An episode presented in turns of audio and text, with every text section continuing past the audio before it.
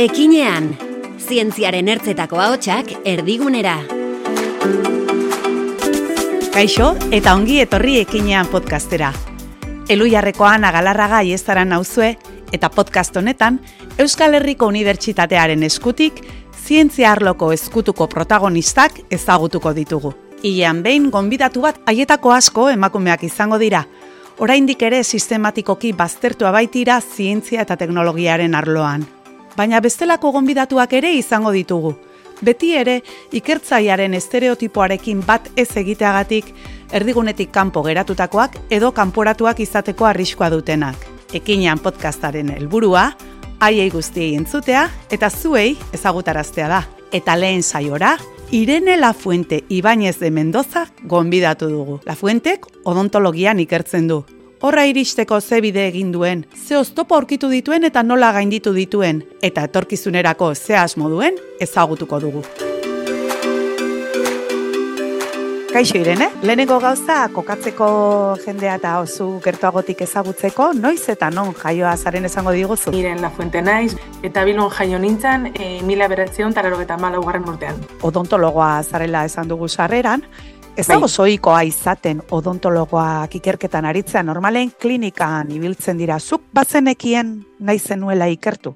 E, ba, ez, egia esan ez, e, ni hasieran e, mediku frustratua nintzen, Bai. medikuntza ikasi nahi neban hasieran, da, bueno, ba, notan gatik, da beste gauza batzuen gatik, ba, enintzen sartu medikuntza graduan, eta nire bigarren aukera odontologia zan, da gero bigarren mailan e, ikasi neban hori asignatura bat, e, irakasgai bat, asko gustatu jatana, eta orduan laugarren mailan beste bigarren zatia zan, irakasgai honen bigarren zatia zan, eta bertan ezagutu nuen nire, nire gradua mailerako lanaren zuzendaria, Eta azkenan beragaz lan e, jotake, ba, irakasgabe gustatu zitzaidan, da horrean e, jarraitu neban, da gero ikerkuntza mundu edo arlo, odontologiako arlo honetan investigatzeko aukera e, zabaldu zidan, eman zidan, da hemen, hemen jarraitu dut.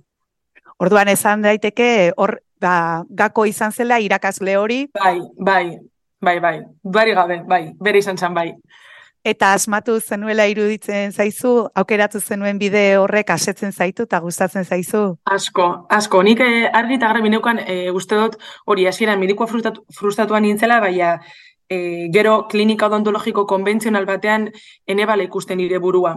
Ikusten ebala nire burua, unibertsitatean, ikerkuntzan, eta horregatik ba, bere, bere laguntzarekin ba, ba, hori ba, teak pizkanaka pizkanaka zabaltzen, bidea pizkanaka pizkanaka zabaltzen, eta, eta beragaz super, super ondo.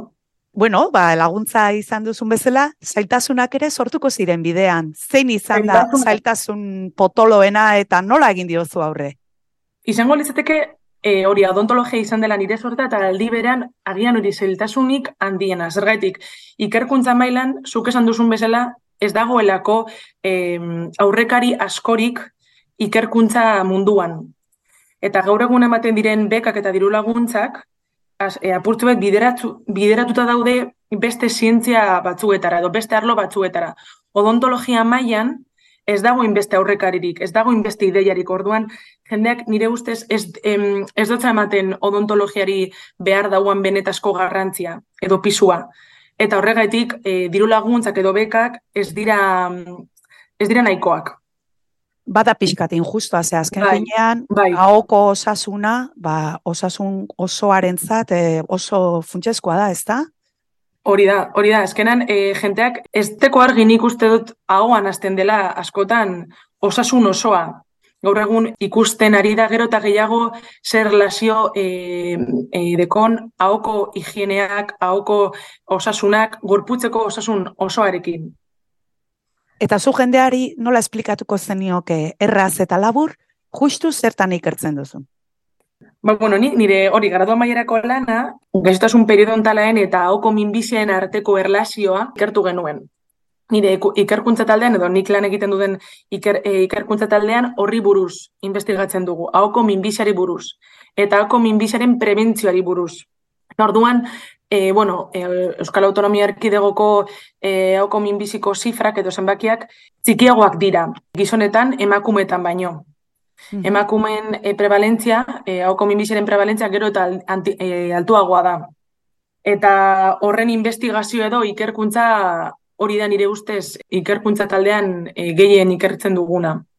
Orduan, ikertzen dezue, e, ze genero faktore dauden, badaukazue hipotesirik? Ba hor gaude, ez dakigu oraindik, ez dakigu oraindik, baina ikusi da lehen, e, hauko minbizia e, oikoagoa zela gizonetan emakumeetan baino, ze lehen gizon gehiago erretzen eta edaten zuten, azkenan hauko minbizen arrisku faktore nagusena diroie, tabakoa eta alkolaren kontsumoa. Baina badaude beste, badago beste barkatu, e, hauko minbizia du, duten beste talde bat, ez duena ez erretzen, ez alkolik edaten.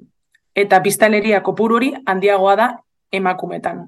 Agian haiek daukate beste arrisku faktore batzuk, e, ba, segurazki genetikoak direnak, eta genetikan da guk egiten dugun, edo genetikan oinarritzen gara gure teoriak edo proposatzeko eta ikertzeko. Eta zer da gehien motibatzen zaituena ikertzen ari zarenean? Azkenean guk hori investigatzen duguna da hauko minbiziaren prebentzioa. Hauko minbiziaren biziraupena oso txarra da.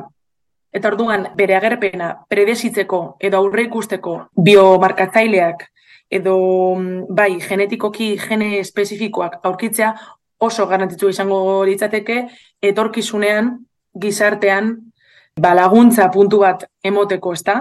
Hori da, nik uste gehien motibatzen nauena etorkizunean, gainera ni beti dino, eta azkenean, zeo zer investigatzen dugunean, ondorio bat beti izteten da, horin dino asko geratzen da ikertzeko, eta horrek ere bai, aurrera, aurrera jarritzeko ba, motibatzen nau asko, ezta? Jakite hori, azkenean, ez dakigula ezer.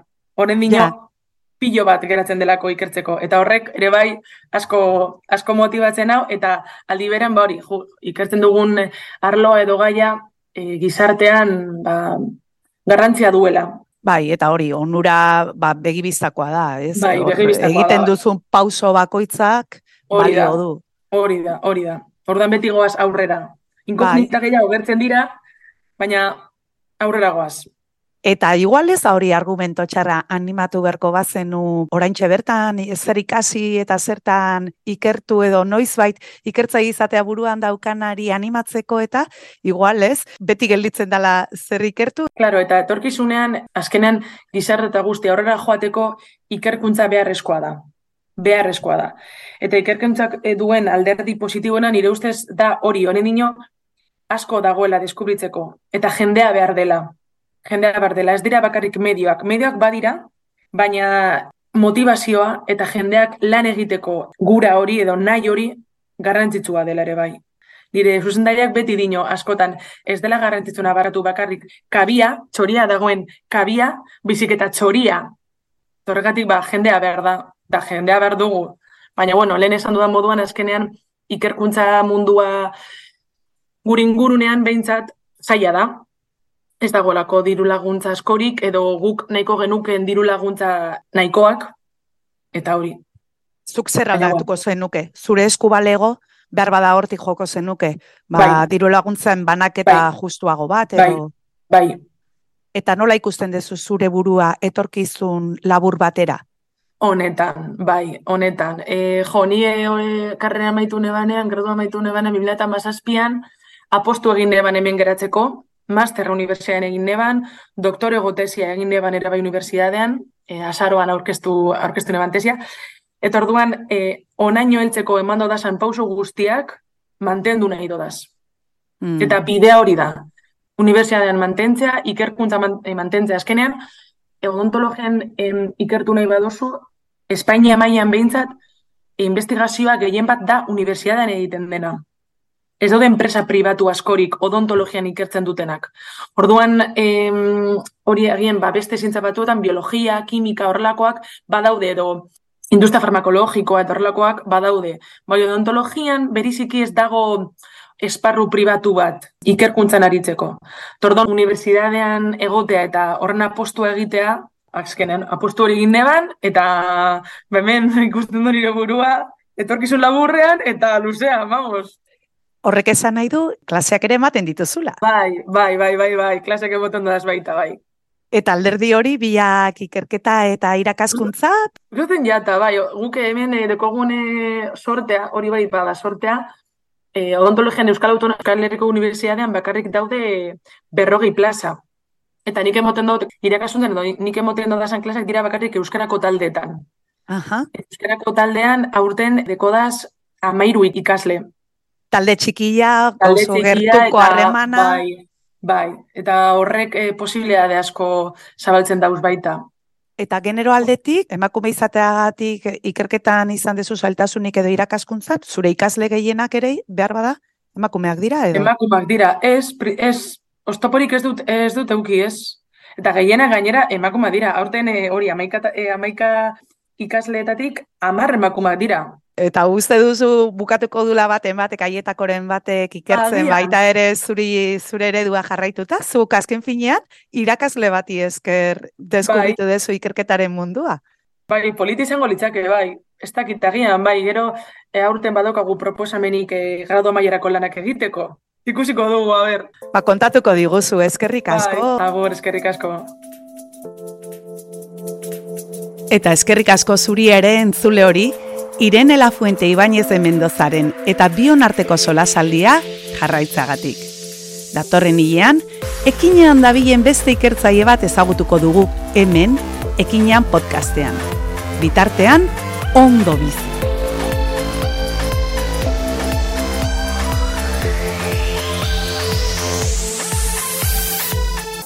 Ekinean, Euskal Herriko Unibertsitatearen ikerkuntza gizartean zabaltzeko zuzendaritzak, zientzia eta gizarte garapenaren eta transferentziaren arloko errektore ordetza eta eluiarrek ekoitzitako podcasta.